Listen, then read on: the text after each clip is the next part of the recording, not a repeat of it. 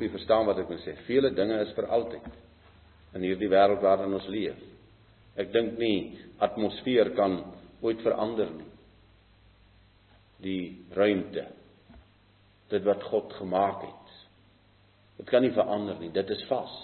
Sy skepping en sy orde en sy skepping is vas. Ek dink die manier waarop 'n plantjie ontkiem en groei, dis 'n vaste. Dit kan nie verander. Dit sal altyd so wees. Dis God se vaste orde in sy skepping. Maar daar's dinge wat verbygaan in hierdie ruimte waarin ek in u lewe vanaand. So as die ruimte verander, dan is dit moontlik dat die inhoud kan verander en ook sal verander. En daarom is dit belangrik dat ons sal verstaan wat beteken die besnydenis.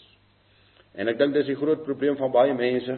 Hulle verstaan nie wat beteken die besnydenis nie. As u nou van hierdie dwaalmanne wat in die land is, se goeters lees, dan sien jy hulle verstaan nie en hulle skryf hulle grootste klomp onsin wat jy bymekaar kan maak. Dan stuur hulle dit nog al die land in. En dit is die tragedie. Wat is die belofte binne die besnydenis? Wat die kernbelofte is? Daar's geen verbond sonder 'n kernbelofte nie. En hier's 'n kernbelofte in hierdie verbond en dit vind ons in Genesis 22 vers 18. En in jou saad sal al die nasies van die aarde geseën word omdat jy na my stem geluister het.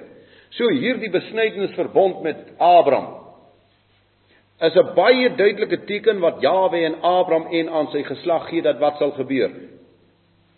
Dat uit hom 'n saad gebore sal word wat die geslagte van Abraham tot seën sal wees. Al die nasies van die aarde beteken al die nasies wat uit Abraham gebore is. Toe Abraham toe God vir Abraham sê jy sal baie nasies gebore word, was daar al reeds baie nasies. So God praat met Abraham en hy praat met Abraham se nageslag. En hy sê daar sal 'n saad na vore kom. Dit is Yeshua. As jy nou Galasiërs 3 gaan lees, dan sê Paulus Hy sê nie saade nie. Maar hy sê net saad omdat hy op Yeshua wys. Gaan lees dit maar Galasiërs 3. En dit is die kernbelofte van die verbond met Abraham in die besnydenis. Dat dit te doen gehad met voortplanting en die saad wat gebore sou word en dit is Yeshua. 'n Magtige heerlike belofte. Yeshua se koms na hierdie aarde is dus die vervulling van daardie belofte aan Abraham dat uit hom die Messia gebore sou word. Nou as Yeshua dan nou gekom het en hierdie kernbelofte van die besnydenisverbond is vervul, dan is dit logies dat die besnydenis verval het. Dis heel logies. Nou kom mense in hulle onkunde en na baie jare begin hulle nou Bybel lees. En hulle lees dinge wat hulle nog nooit gelees het nie. En hulle hoor dinge wat hulle nog nooit gehoor het nie. En omdat hy maar net op 'n sekere plek lees en nie die vaste basis van die skrif dwars deur het nie, begin hulle verdwaal raak. En nou is vir party die identifikasie met die Ou Testamentiese volk so skerp Dit gryp hom so skerp in die hart dat hy 'n Israeliet is, dat hy teruggryp tot daar in die begin van hierdie volk se geskiedenis, en dis eeue gelede.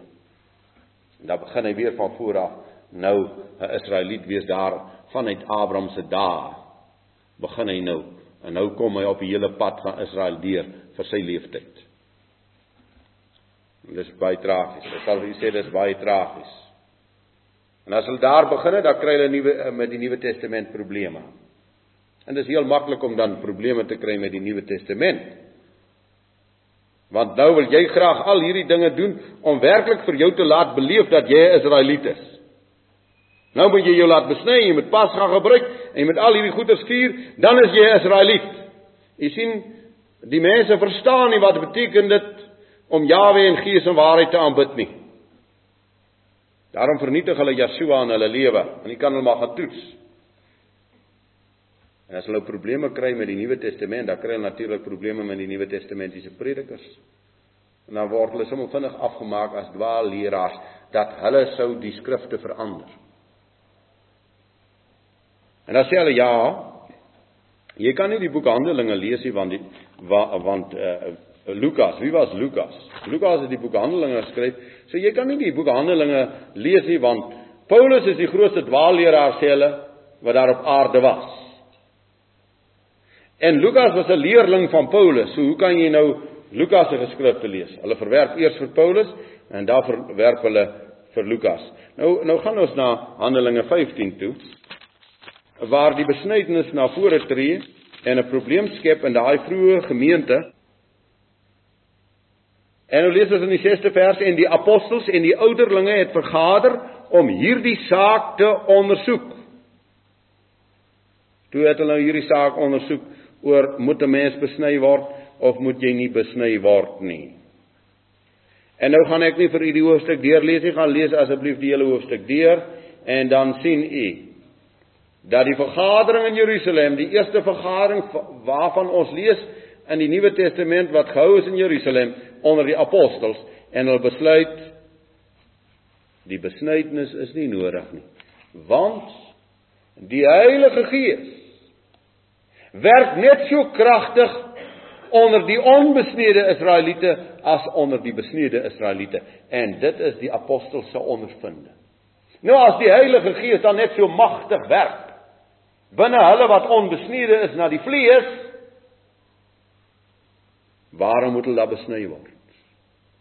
U sien en toe het hulle pragtig tot die insig gekom dat ook hierdie verbond met Abraham is vervul Yeshua het gekom die belofte is vervul sodat ons mos lees hoeveel blydskap was daar in die hart van ou Simeon toe Yeshua aan sy arms neem daar in die tempel en sê: "Nou kan die ou diensknegt maar gaan in vrede, want sy oë het die heil van Israel aanskou, die heil van Israel."